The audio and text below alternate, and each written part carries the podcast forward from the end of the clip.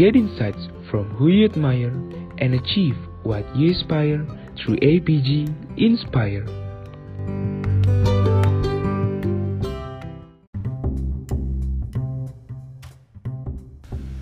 Hello APG enthusiasts, welcome to one of our project APG Inspire. Apa kabar nih kalian? Semoga meski masih pandemi gini, kalian tetap sehat-sehat ya.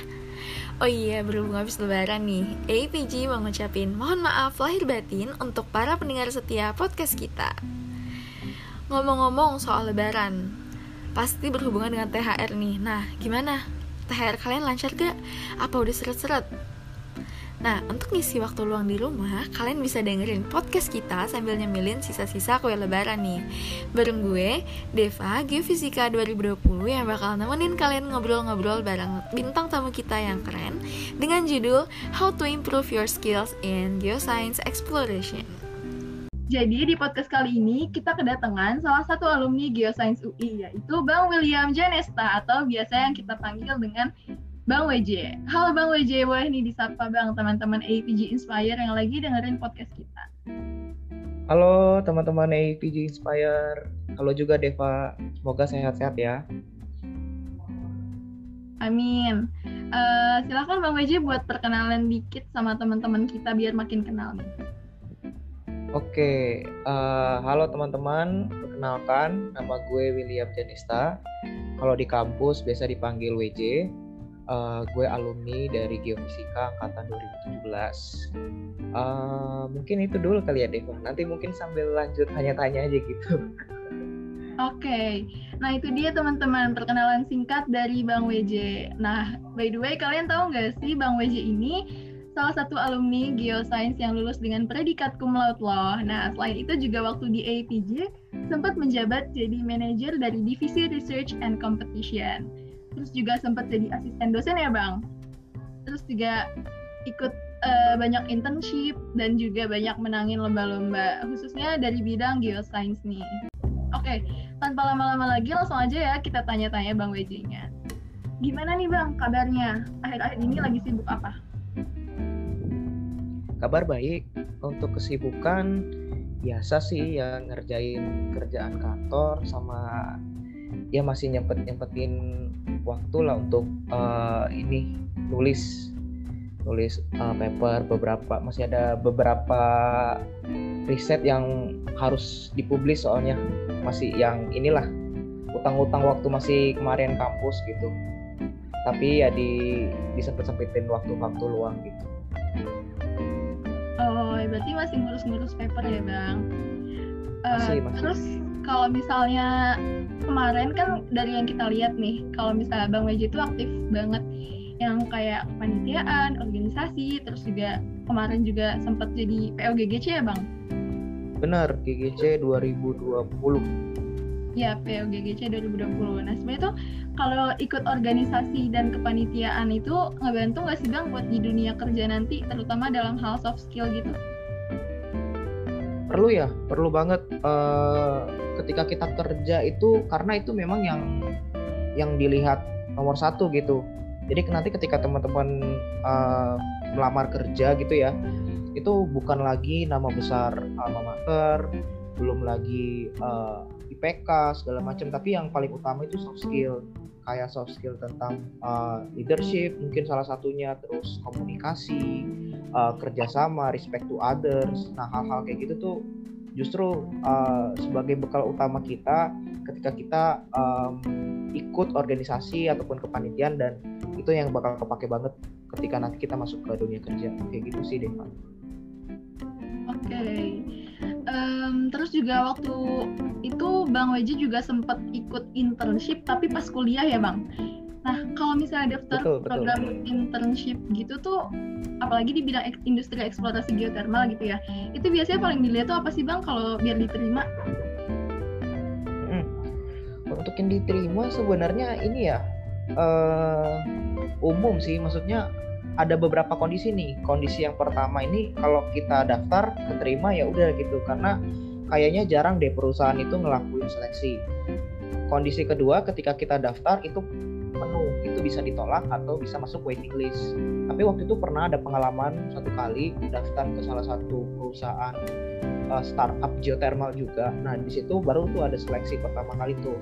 Waktu itu seleksinya sih uh, umum sih tentang kayak ditanya uh, mereka tuh kayak ngelihat eager tulen kita di geothermal itu tinggi atau enggak gitu. Waktu itu sempat ditanya-tanya tentang basic-basic geothermal khususnya karena gue bidangnya kan geoscience jadi ditanyanya lebih ke uh, ranah geoscience-nya bukan di engineering. Kayak uh, sedikit-sedikit tentang bagaimana sistem geothermal terbentuk terus uh, peran-peran dari metode geologi, geokimia dan geofisika dalam eksplorasi panas bumi itu seperti apa terus uh, tantangan pengembangan energi panas bumi Indonesia itu kenapa lambat itu kira-kira apa aja hambatannya atau risikonya seperti apa lebih kayak gitu sih. Tapi untuk sisa-sisanya yang lain sih so far normal ya kayak cuman perlu seleksi administrasi ya kayak proposal surat-surat dari kampus. Ah, kayak gitu sih Deva nggak ada yang seleksi kayak gimana gimana nggak ada. Berarti yang dinilai banget itu yang sesi wawancaranya ya bang? Hmm bener sesi wawancara. Itu juga dari beberapa intern yang gue ikut yang ada wawancaranya kalau nggak salah cuman tiga deh tiga atau dua gitu. Sisanya itu uh, cuman nge uh, ini aja naruh proposal naruh surat kayak gitu. Oke gitu loh teman-teman. Berarti ini skill public speakingnya benar-benar harus diutamain banget ya bang buat um, kita bisa lolos di internship kali ini. Hmm jadi itu lebih kayak gimana kita self branding waktu kita self branding kan ada dua ya. Bisa lewat tulisan itu teman-teman bisa taruh di CV ketika nanti uh, apa namanya ngelamar gitu. Terus yang kedua adalah uh, ketika wawancara kadang kan ada tuh orang-orang yang memalsukan ya dalam tanda kutip CV-nya nah itu bakal ketahuan ketika nanti sesi interview. Nah di situ uh, biasanya interviewer akan uh, nanya. Ya beda-beda sih sebenarnya tiap interviewer. Ada yang memang pertanyaannya teknikal, ada yang pertanyaannya seputar CV, ada juga yang tentang umum. Nah itu sebenarnya uh, bisa kita bilang sebagai panggung ya panggung buat kita untuk self branding secara nyata uh, untuk memperkenalkan diri kita tuh seperti apa di depan uh, interviewer nanti seperti itu deh pak. Oke, okay. um, terus pertanyaan selanjutnya nih bang, kalau misalnya uh, dulu nih kan bang Weji tuh kayak yang tadi kita udah bahas ikut organisasi kepanitiaan terus juga lomba-lomba juga udah banyak yang menang gitu Terus gimana sih bang cara buat nyimbangin kegiatan akademik lo sampai berhasil buat ngeraih uh, predikat cum laude gitu? Sebenarnya nggak ada kunci rahasianya ya Deva. Ya gimana cara kita pandai-pandai bagi waktu aja. Kapan harus belajar, kapan harus uh, ngurusin organisasi dan lain-lain gitu. Karena kesibukan yang kita ambil itu kan uh, pilihan kita masing-masing. Jadi sebenarnya lebih ke uh, gimana caranya kita bertanggung jawab atas pilihan yang kita ambil itu. Selain tanggung jawab, menurut gue yang paling penting itu disiplin sih. Karena kan ini menurut gue ya tugas utama seorang mahasiswa itu ya pasti urusan kuliah. Jangan sampai kegiatan-kegiatan lain itu justru ngeganggu kuliahnya. Jadi kalau uh, udah bisa tanggung jawab, uh, disiplin, menurut gue semuanya bakal lancar. Nah, terus tinggal gimana kita mau dive in lebih dalam aja nih untuk uh, tidak hanya lancar tapi juga sampai bisa dapat achievement. Gitu sih kira-kira. Oke, kalau boleh tahu Bang Weji sekarang emang uh, udah ini di mana Bang? Kerja di mana? Di kotanya atau apanya nih maksudnya pertanyaan deh? Iya, di kotanya maksudnya. Oh ya, kalau kotanya di ini di Jogja. Di Jogja hmm. untuk perusahaannya itu nama perusahaannya PT Bina Talenta under Accenture Indonesia. Nah, kalau untuk jenis pekerjaannya apa, itu gue di situ kerja sebagai geos, uh, geospatial analis staff. Itu kerjaannya ya inilah mainan-mainan data gitu.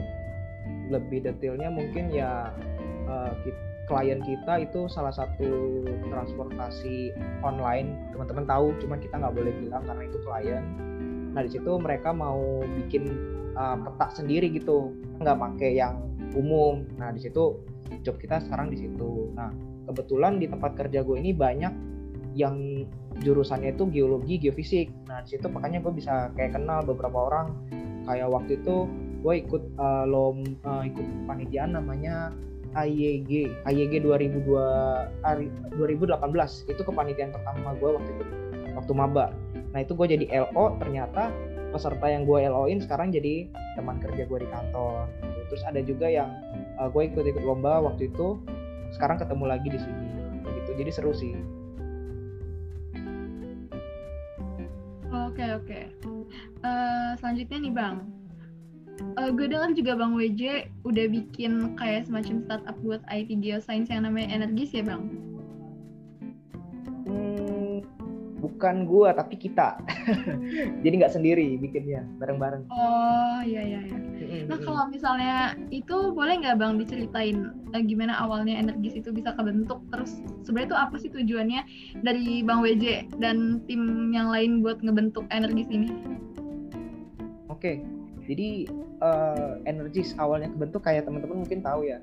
Uh, sekarang kayak di kampus bahkan di dunia kerja aja udah banyak banget uh, apa namanya perkodingan, IT segala macam kayak dunia-dunia itu kan perkembangannya pesat banget ya sekarang ya. Terus startup di mana-mana berdiri entah itu di bidang energi, di bidang perbankan, ekonomi, food and beverage, banyak lah yang yang mulai ngebangun startup segala macam. Nah, di sini kita ngelihat kayak uh, startup di bidang energi kayaknya nggak nggak nggak segeliat yang di bidang lain nih. Kenapa? Kenapa bisa kayak gitu? Kita kayak lihat sekarang perusahaan-perusahaan energi yang yang besar itu ya kayak ya dari dari PT gitu kayak Pertamina atau Star Energy misalnya Antam segala macam itu kan sifatnya bukan yang kayak yang kecil bukan startup. Nah kita berpikir bisa nggak sih kira-kiranya energi perusahaan energi itu uh, berbasis startup berbasis uh, eh, IT tapi kita campur juga dengan teknologi energi gitu. Nah dari situ kita mulai iseng-iseng tuh awalnya bikin energis terus kita coba uh, pertama kali itu ngebangun software software tapi khususnya waktu itu masih tentang geofisika gitu. Geofisika di eksplorasi panas bumi. Kita bikin software uh, pengolahan data data gravity terus uh, data MT juga ada. Nah sekarang udah udah mulai berkembang masuk ke ranahnya seismik oil and gas sama ke ranah engineer gitu. Nah mungkin ke depannya bakal ada ranah uh, bidang-bidang lain yang kayak geokimia, terus geologi juga sebenarnya udah ada, cuman masih belum pakem banget gitu. Terus uh, kita coba iseng daftarin ke yang namanya Geokreatif Bootcamp. Jadi itu sekolah startup dari geokreatif yang khusus di bidang energi awalnya. Tapi ternyata yang daftar itu nggak cuma di bidang energi aja. Jadi akhirnya diumumin di general gitulah jadi nggak cuma energi. Nah setelah melewati beberapa seleksi ternyata energi lolos. Jadi kalau nggak salah 12 startup terbaik yang diikutin training selama beberapa bulan gitu. Nah sekarang kita udah graduate, sekarang kita lagi coba ini sih lagi coba ngembangin beberapa software yang lain sama ingin uh, lebih seriusin lagi kayak gitu deh pak. Berarti ini awalnya emang awalnya bener-bener dari inovasi sendiri ya bang ya? maksudnya kayak belum ada yang belum ada yang nyoba buat kayak gitu terus uh, Bang WJ dan tim berinovasi gitu istilahnya. Nah, kalau kalau dibilang pertama kali sebenarnya kita bukan yang pertama kali ya. Yang pertama kali itu ada namanya i5 kalau teman-teman tahu. i5 itu dia uh, konsepnya mirip sih. Dia IT, energi tapi energinya khusus di geothermal gitu. Nah, apa yang ngebedain i5 sama kita? Mereka uh, banyak lah orang-orangnya udah expert tentunya terus juga uh, timnya itu kebanyakan udah udah udah punya pengalaman di industri dan segala macam. Nah tapi yang kita lihat ini adalah apa yang mereka kembangkan sebenarnya masih bisa tuh kita kejar gitu. Kayak pembuatan softwarenya tuh kalau kita lihat-lihat itu masih bisa kita bikin. Jadi kita sebenarnya juga pakai sistem ATM amati tiru uh, modifikasi gitu. Terus uh, mungkin satu lagi nih lebih ke sisi gengsi sih. Mereka lebih banyak uh, dari teman-teman Bandung gitu. Nah kita lihat yang dari Depok nih kok dikit nih yang dari UI kan.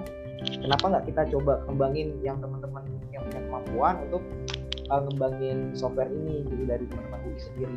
Kebetulan kita juga udah merekrut beberapa uh, anak dari Hasilkom, juga ada dari ekonomi yang uh, ngebahas tentang tentang keuangannya nanti kayak gitu deh pak. Oke, okay. um, pertanyaan selanjutnya ya bang. Um, ada nggak sih bang tips dan trik buat kita yang masih kuliah yang uh, untuk ngembangin skill-skill yang um, kayak soft skill gitu-gitu agar kita bisa berkembang di ranah geoscience, ranah eksplorasi geoscience? Oke, okay. untuk soft skill ya, uh, gini, kalian teman-teman kan masih berstatus mahasiswa, apalagi mahasiswanya mahasiswa UI. Nah, kalau menurut gua status mahasiswa UI itu manfaatkanlah sebaik-baiknya gitu. Kenapa? Karena ketika kalian lulus, status alumni UI itu sebenarnya udah nggak begitu dipandang.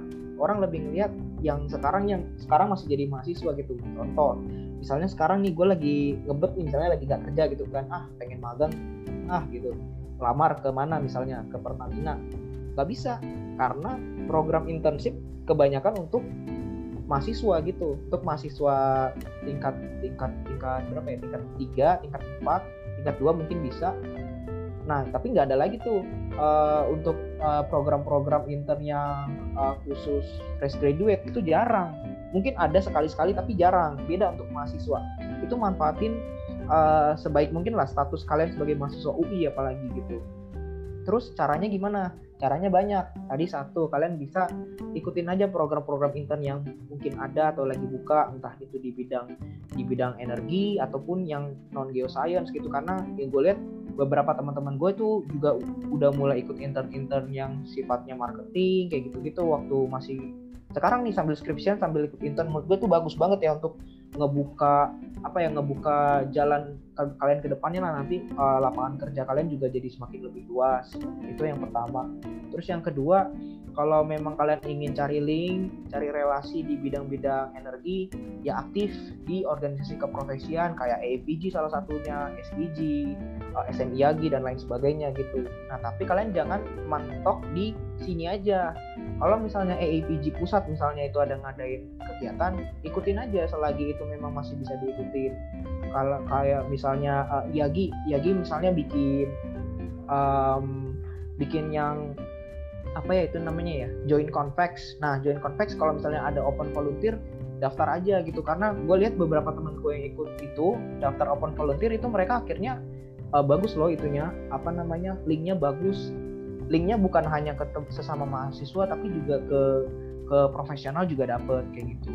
Terus yang terakhir inilah ini ya klise tapi ya memang harus. Kalian harus disiplin. Entah itu disiplin kalian sebagai mahasiswa atau apa kalau kalian nge uh, ngelakuin sesuatu itu dengan tekun dengan serius itu pasti akan ada hasilnya. Kayak gitu sih.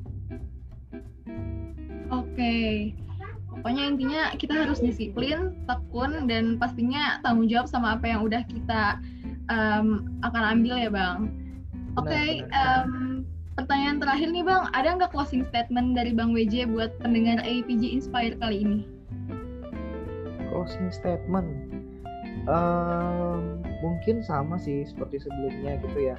Uh, teman-teman masih muda gitu kan khususnya yang angkatan 2020 2019 2018 uh, memang pandemi ini ngehambat kita semua ya. Baik itu dari sisi kuliah mungkin yang akhirnya kita harus kuliahnya daring gitu.